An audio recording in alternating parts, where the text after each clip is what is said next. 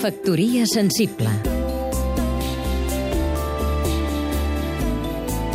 Francesc Canosa, periodista i escriptor Ja ho saben, sia amb la mort una major naixença. Si el poeta Joan Maragall hagués fet franquícies del vers, vés a saber si el cel se'ns hagués obert de patac.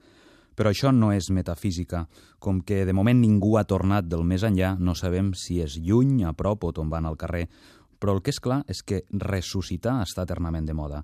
Mirin el que passa a les xarxes socials. Si vostès van a Twitter, veuran com els nord-americans tenen ben vius tots els seus presidents morts.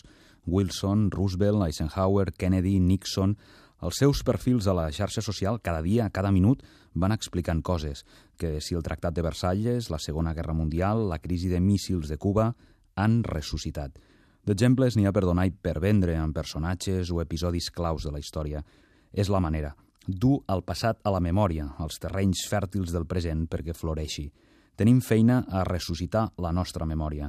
De moment, donin un tom per Twitter i podran llegir com piulen alguns dels nostres morts més il·lustres.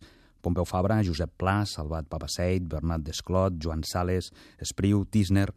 Tenim feina, perquè una cultura com la nostra no pot ser un cementiri de xipresos exquisits. Ha de ser nerviosa, roent, lluminosa, viva, actualitzada, energètica, perquè és una veritat com un temple. La mort ha de ser una major naixença. Factoria sensible Seguim-nos també a catradio.cat